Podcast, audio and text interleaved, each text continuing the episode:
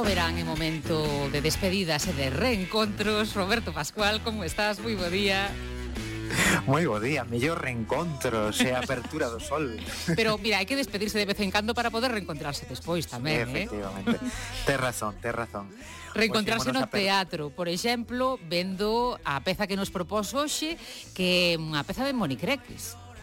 Sí, monicreques, obxectos animados, como queiramos chamarlle, esta é unha desas pequenas alfaias un espectáculo mmm, moi fermoso eh, cunha excelente dramaturxia de Ignacio Vilariño e eh, que eh, estreou hai uns meses a compañía de La Raids Urrusola.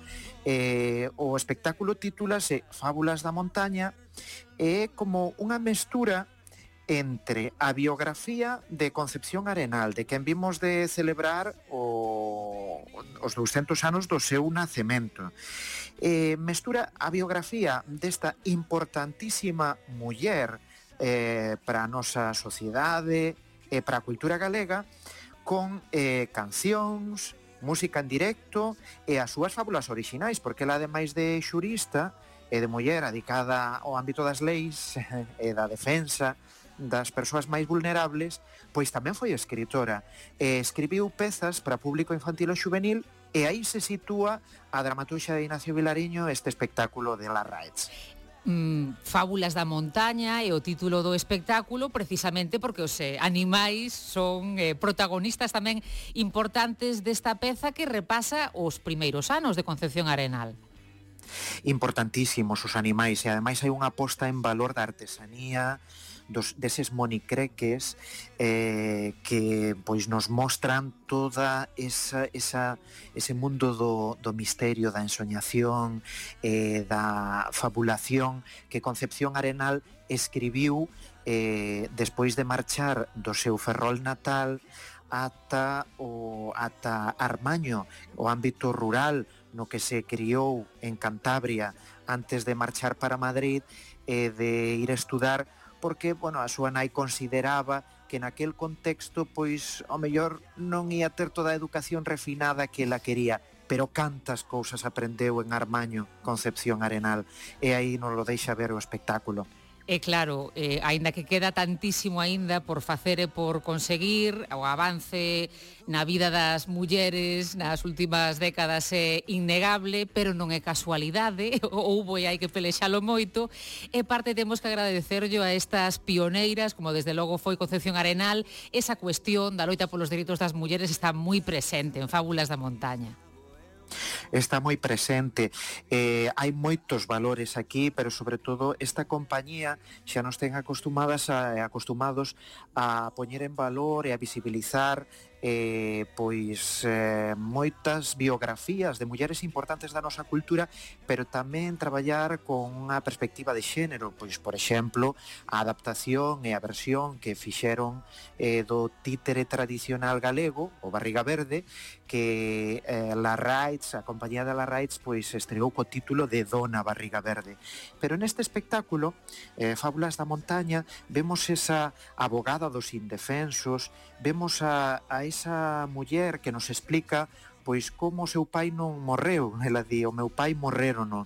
E grazas a iso ela tivo pois eh, eh, consciencia, toda, todo o seu periplo, tamén acceso á biblioteca de seu pai, e vemos mm, como era unha muller preocupada eh, atenta polas eh, por procurar a igualdade, pero vemos que nas súas fábulas trascenden valores como a humildade, a piedade, a dignidade, unha das cousas eh, que di Concepción Arenal eh, interpretada por la Rights neste espectáculo é que unha vez lle escoitou en Armaño, en Cantabria, a unha persoa maior dicir que o sabio, o dar un consello, eh, lembrase moi pouco de si sí mesmo. Eses valores da humildade, da empatía, están moi presentes eh, eh, na, na, na, na biografía dunha importantísima muller que, que está excelentemente interpretada por unha Ala Rights que comeza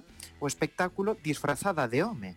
E, e o inicio aparece disfrazada de home porque ven dunha cea de amigos, dun contexto, dun eh, ámbito no que o acceso da muller a certos eh, espectros da participación e da vida social pois aínda non estaban permitidos. Non é a única persoa en escena da Rights. Pois non é a única persoa en escena, está acompañada por unha pianista eh, que crea banda sonora, que lle dá pois ritmo a todos os personaxes que imos ver transitar por todo o espectáculo. Aí temos a Osa Golosa, o Lobo Tragaldabas, Rustán, o can de Concepción Arenal, que o can guardián que ten que eh, deixar o cargo dun muiñeiro cando a súa nai lle di que deixan Cantabria e marchan para Madrid, pero tamén está Canelo, o, hai, eh, o Canelo Enquedo, a querida mestiza, animais palleiro, animais da aldea, eh, pero tamén pois Facundo, o galo fachendoso do outro lado do mundo, ou Mastina, a mellor pastora, eses eh, monicreques que se mesturan eh, nunha coidada e delicada estética eh, con eh, un teatriño que é a saia, a indumentaria da propia Concepción Arenal. Como, como? Que Unha saia teatriño, isto como é? Sí, sí, sí, é, é moi curioso isto e, e isto evidencia moito o labor de investigación eh, na estética, non solamente na dramaturxa ou na biografía da propia compañía, porque segundo as ilustracións da época, hai que pensar que Concepción Arenal Naceu no ano 1820 en Ferrol nace, eh, e morreu no ano 1893. Pois segundo as ilustracións da época que investiga a compañía, Esa saia teatriño na que unha muller era sempre titiriteira foi un recurso escénico moi utilizado nas veladas das casas ilustradas do século XIX. E con este espectáculo eh, de hoxe queren recuperar e incorporar ao corpus dramático galego este valioso patrimonio teatral esquecido. En esta saia teatriño pois van aparecendo os obxectos, os monicreques, pero tamén un rolo con imaxes en movimento. Fábulas da Montaña con la Raids Urrusola que onde podemos vela próximamente pois penso que en Rivadavia porque estaré de xa piques de anunciar a próxima edición da MIT, Roberto. Pois sí, efectivamente, a semana que ven eh, xa poderemos desvelar toda a eh, programación. Contanos completa. algo, algo.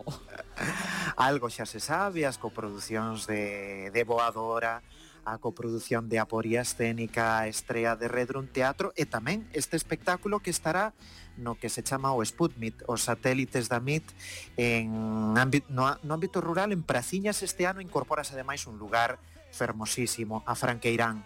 Ali un mirador eh, privilexiado en Caraobaldo, Avia. Aí poderemos ver esta, este espectáculo, devedor das das fábulas de Sopo, como, como moi ben coñecía Concepción Arenal, moi populares na época, pero ah, naquela época case todas escritas por homes, esta escrita por mulleres, onde muda os animais exóticos pola montaña, onde hai unha defensa da vida rural, por iso imos presentar este espectáculo na MIT no contexto rural, e incorpora temáticas como a defensa da educación nos procesos de transformación da realidade e a importancia da empatía no sufrimento dos demais moi propio para os nosos uh, tempos.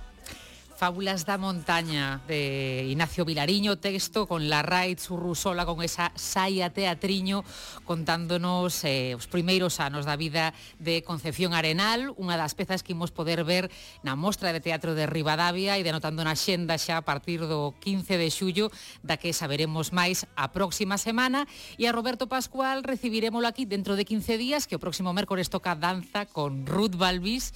así que ata o próximo baile, Roberto. Ata próximo baile. Apertas. Hasta luego, guiño.